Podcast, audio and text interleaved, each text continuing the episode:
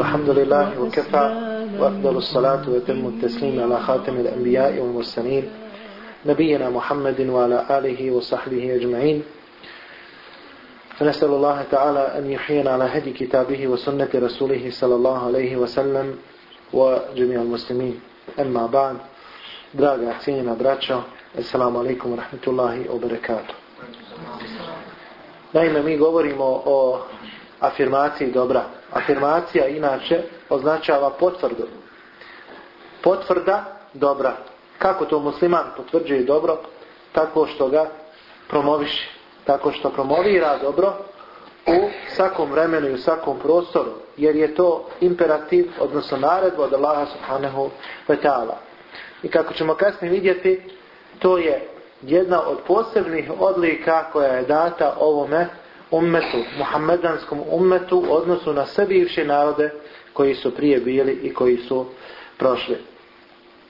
Naime, Allah subhanahu wa ta'ala kaže Kuntum hajra ummetin uhriđet rin nasi ta'muruna bil ma'rufi wa tenhevna anil munkeri wa tu'minuna billah.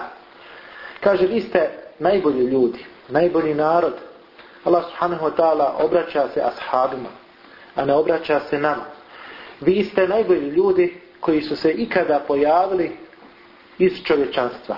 Znači najbolja generacija ljudi. Od pamti vijeka sve do sudnjega dana. Vi ste najbolji ljudi koji se ikada pojavili od čovječanstva. Naređujete dobro i odvraćate od zla i vjerujete u Allaha subhanahu wa ta'ala.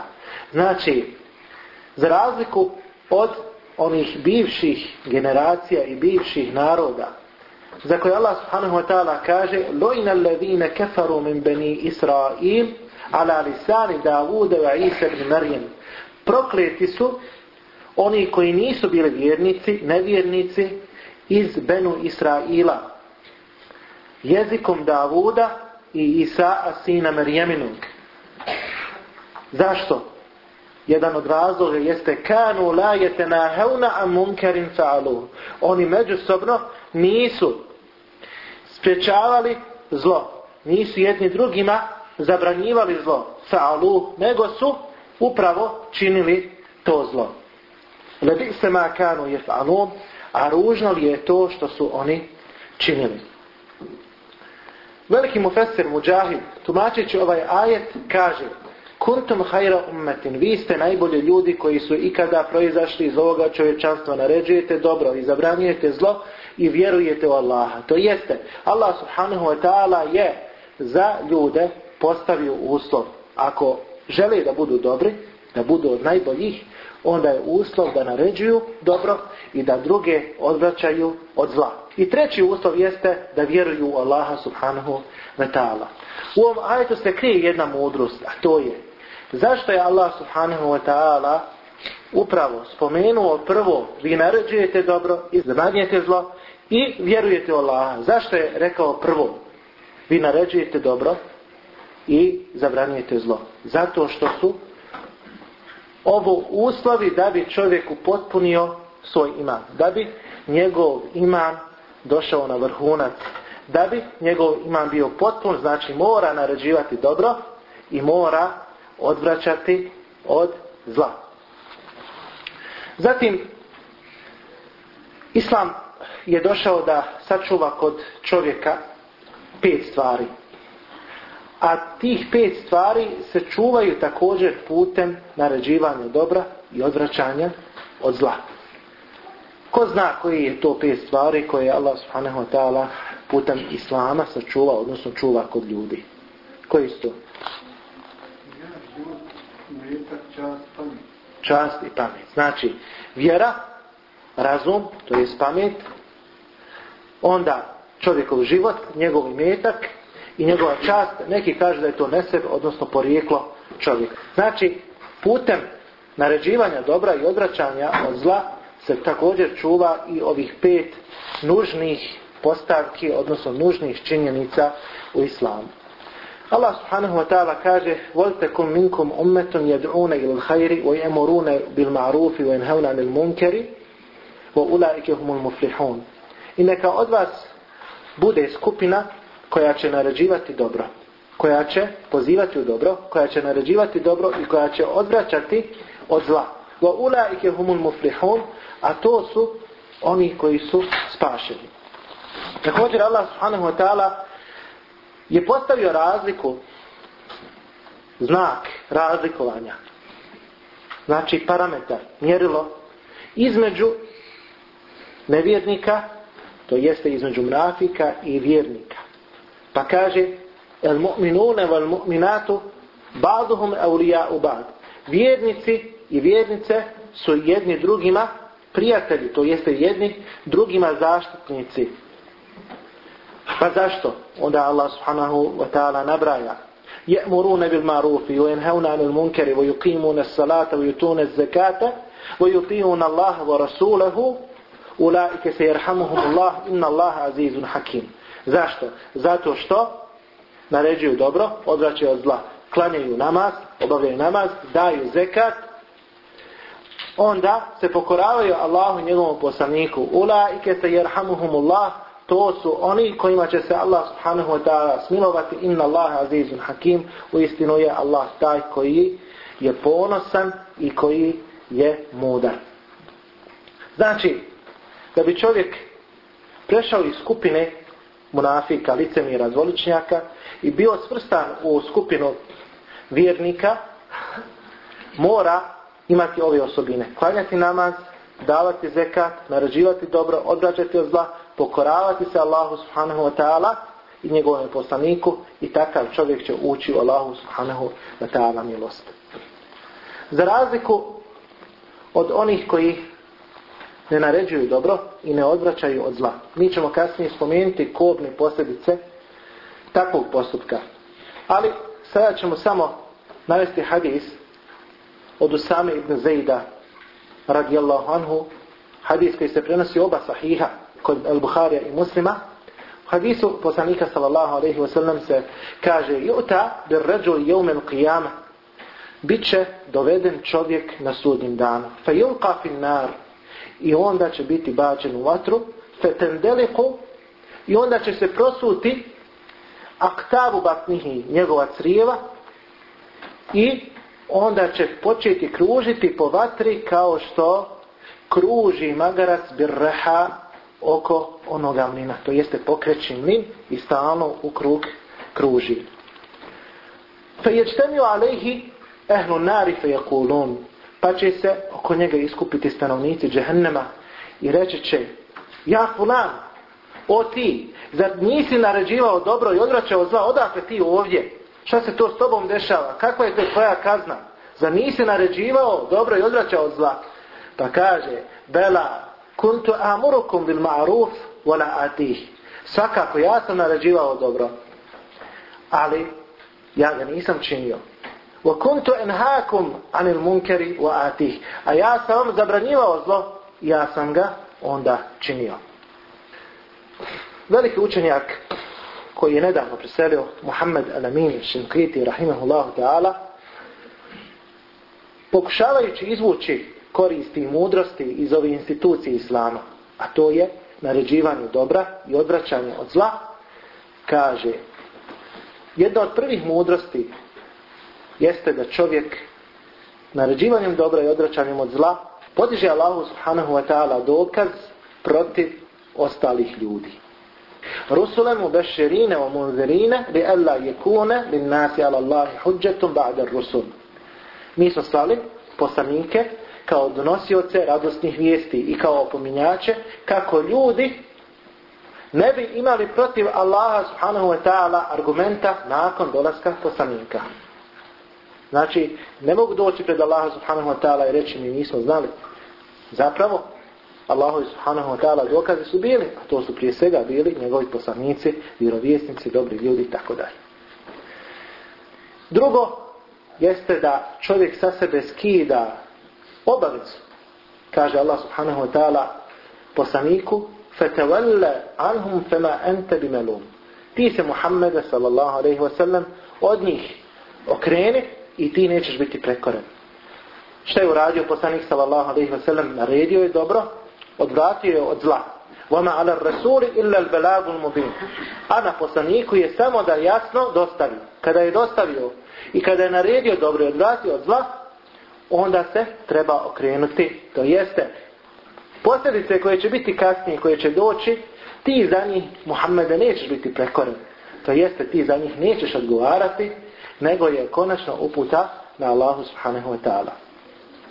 Treća korist naređivanja dobra i odvraćanja od zla jeste da čovjek putem ove institucije drugim ljudima želi dobro. Želi im da budu bogobojazni. Želi da budu od onih koji kod sebe imaju takvalka. Kalu, ma'ziratan ila rabbikum, vala'allahum Oni su rekli, mi ovo radimo, vas pozivamo, druge, da bi se opravdali pred vašim gospodarom i kako bi oni bili bogobojazni. ima želimo dobro. Vodekir se inne zikra on i ti jer u istinu opomena koristi vjernicima. Da bi čovjek naređivao dobro i odvraćao od zla, mora biti upućen u to. Mora poznavati postavke Islama.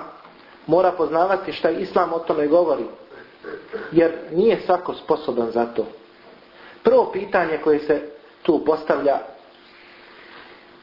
jeste da čovjek mora imati znanje o naređivanju dobra i odvraćanju od zla. Da mora poznavati šta je to dobro, a šta je to zlo. Jer ukoliko ne bude imao dobra, odnosno znanja o dobru i zlu, onda će se desiti da nekada naređuje dobro, a ono je u stvari zlo. A nekada zlo, a ono je u stvari dobro. Znači, činjenice se u potpunosti mogu nekada iskrenuti. Zato je Allah subhanahu wa ta'ala spomenuo to u svojoj knjizi pa kaže kul hadihi se bili edu ila Allahi ala basiratin ene wa man ittaba'ani. Reci Muhammede, ovo je moj put, ja pozivam ala basiratin. Pozivam u znanje, pozivam putem islamske prosječenosti, putem poznavanja širijskih propisa, ene o mene tevani, ja i oni koji mene slijedi. Znači, to je put pozivanja u Allahu subhanahu wa ta'ala vjeru uz znanje. Drugo što je veoma važno ovdje napomenuti jeste pitanje na koji način se poziva u islam. Na koji način se naređuje dobro i odvraća od zla. Pa su učenjaci i to spomenuli. Prvo ćemo navesti hadis poslanika sallallahu alaihi wa sallam, u kome se kaže: "Inna Allaha yu'ti 'ala rifqi ma la yu'ti 'ala Allah subhanahu wa ta'ala putem blagosti daje ono što ne daje putem grubosti. Putem blagosti daje ono što ne daje putem grubosti. Kaže Allah subhanahu wa ta'ala Udu ila sabili rabbike bil hikmeti wal hasana l'hasana bil bil hiya ahsan. I ti, kaže, na put svoga gospodara pozivaj sa mudrošću, mudro. Wal mev'idati hasana lijepom pričom, lijepim govorom i ti se sa njima raspravlja najboljim riječima, i najbolje riječi prilikom rasprave sa njima. Ovo su motivi muslimanu da se drugima obraća na lijep način. Ovo su motivi muslimanu da ne upotrebljava grubost prilikom poziva drugih. Zato u islamu nemaju opravdanja oni koji upotrebljavaju grubost prilikom naređivanja dobra i odvraćanja od zla. Pa ćemo vidjeti da oni koji su neupućeni u islam često koriste neke metode koje nisu uopće u skladu sa islamom. Pa će upotrijebiti možda i šaku, pa će možda upotrijebiti oružje, pa će upotrijebiti i druge vrste rigoroznih mjera da bi ljude odvratili od zla, odnosno da bi ih naveli na dobro. Međutim, vidjet ćemo da je to u islamu zadatak isključivo instituciji. Instituciji vlasti, ponajviše ako se radi o islamskoj vlasti. Neki će se odmah sjetiti hadisa poslanika sallallahu alaihi wasallam kojim se kaže Men ra'a minkum munkaran falyughayyirhu bi Onaj koji od vas vidi kako zlo neka ga promijeni svojom rukom. Pa ako ne može neka ga otkloni svojim jezikom, ako ne može onda neka ga otkloni svojim srcem, a to je najslabiji oblik imana. Tačno. To je hadis poslanika sallallahu alejhi ve sellem, on je vjerodostojan, ali isključivo se odnosi ovo mijenjanje rukom na instituciju, posebno ako se radi o islamskoj instituciji vlasti. Ukoliko nema islamske institucije vlasti, ukoliko sekularna država ne mijenja zlo, ukoliko zlo vidi dobrim, a dobro zlim, onda je na muslimanu da prijeđe na drugi metod, a to je da odvraća svojim jezikom i svojim srcem i da se strpi vasbiralama esabek i ti se strpi u onome što te snađe. Ti se strpi u onome što te snađi. Jer čovjek koji se miješa sa ljudima i koji se strpi na njihovim provokacijama, uznemiravanjima, kako kaže poslanik sallallahu alejhi ve sellem, je bolji od onoga čovjeka koji se ne miješa s ljudima i koji ne trpi njihove provokacije.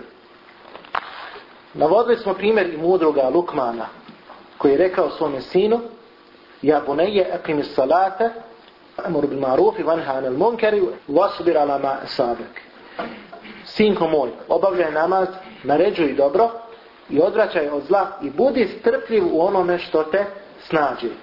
Budi strpljiv u onome što te snađi. To znači, kada budeš naređivao dobro i odvraćao od zla, sigurno da ćeš naići na uzemiravanje, provokacije i tako dalje, ali na tebi je da se strpiš ukoliko ne možeš da promijeniš svojom rukom. Inače, ovo mijenjanje rukom je navedeno također u hadisima poslanika sallallahu alaihi sallam, odnosno podrobno je više pojašnjeno hadisu koji prenosi ima muslim a prenosi ga od Abdullah ibn Mas'uda radijallahu anhu u kome se kaže da je Allahu poslanik sallallahu alejhi sellem rekao sljedeće Nije bilo ni jednoga vjerovjesnika, to jeste poslanika, a da on nije imao pomagače koji su se pridržavali njegovog sunneta i koji su se pridržavali njegove naredbe. A poslije bi došle generacije koje bi govorile ono što nisu radile i koje bi radile ono što nije bilo naređeno. Pa kaže poslanik vasem, ko se protiv njih bude borio svojom rukom, on je vjernik. Ko se protiv njih bude borio svojim jezikom, on je vjernik. Ko se protiv njih bude borio svojim srcem, on je vjernik. A poslije toga kod čovjeka nema u srcu imana koliko je zrno gorušice. Koliko je zrno gorušice, poslije toga nema imana u čovjekovom srcu. Naime, prenostac ovoga hadisa, Al-Narvazi, kaže da je upitao Ebu Abdullaha, a to je Muhammed ibn Muflih al-Maqdisi, kako se to mijenja zlo rukom? Tamo pa je on rekao, Juferriku bejnehum, kada vidiš da se muslimani međusobno fizički obračunavaju, onda ih trebaš rastaviti. Znači nije to korištenje oružja, nije to korištenje sile, nego da upotrijebiš svoju moć svoju silu u rastavljanju muslimana. Pa kaže se da je Ebu Abdullah Muhammed ibn Muflih al-Maqdisi to i primijenio kada je vidio mladiće koji su izlazili iz jedne škole, kada su se potukli, odnosno pobili. I onda je protumačio svoj postupak ovim riječima koju ferriku onda će ih rastaviti u toj njihovoj međusobnoj borbi. Jedan od također uslova za naređivanje dobra i odvraćanje od zla jeste da se prilikom naređivanja dobra i odvraćanja od zla moraju vagati štete i koristi. Inače, Islam je došao sa stalnim pogledom na štetu i na korist da se između njih mora stalno lagati.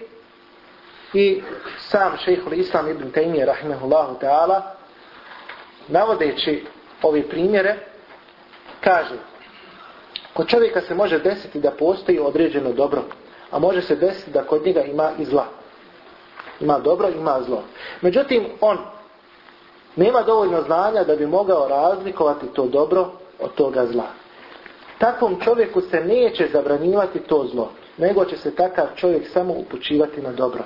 Jer odvraćanje od zla u tom slučaju može takvoga čovjeka odvesti u kufr, u nevjesto. tako što će u potpunosti ostavljati islam u kopse islama. Kao na primjer kada čovjek ima kod sebe namaz. Namovo se prihvatio islama, a ne poznaje ostale propise.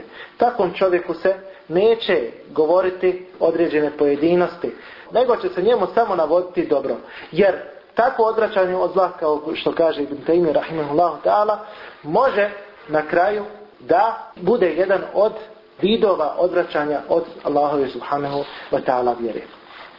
Zatim, potrebno je spomenuti one kobne posljedice koje se mogu pojaviti ukoliko ljudi ne primjenjuju naređivanje dobra i odvraćanje od zla. Prva kobna posljedica jeste da Allah subhanahu wa ta'ala može spustiti svoju kaznu među takve ljude. Kaže, وَتَّقُوا فِتْنَةً لَا تُسِيبَنَّ الَّذِينَ ظَلَمُوا مِنْكُمْ Hasa, Kaže, bojte se smutnji koja neće posebno snaći i pogoditi samo one koji su od vas počinili nepravdu. I kaže, Također Allahu poslanik sallallahu alejhi ve sellem "Vallazi nefsi bi yadihi", tako mi onoga učio je ruci moja duša. "La ta'murunna bil ma'rufi wa la tanhawunna 'anil munkar", vi ćete naređivati dobro i odvraćati od zla. "Au la yushikanna Allahu an yursila alaykum au an yab'atha alaykum 'adaban au iqaban min indihi فَتَدْعُونَهُ فَلَا يُسْتَجَابُ لَكُمْ Ili će Allah subhanahu wa ta'ala vama poslati kaznu, pa ćete ga vi moliti, a vama se dova neće uslišavati. Zatim, druga kobra posljedica jeste, kao što je navedeno u hadisu, da se dova takvih ljudi neće uslišati, oni koji ne naređuju dobro i ne odvraćaju od zla. Naravno, uz sve ove uslove koje smo prethodno spomenuli.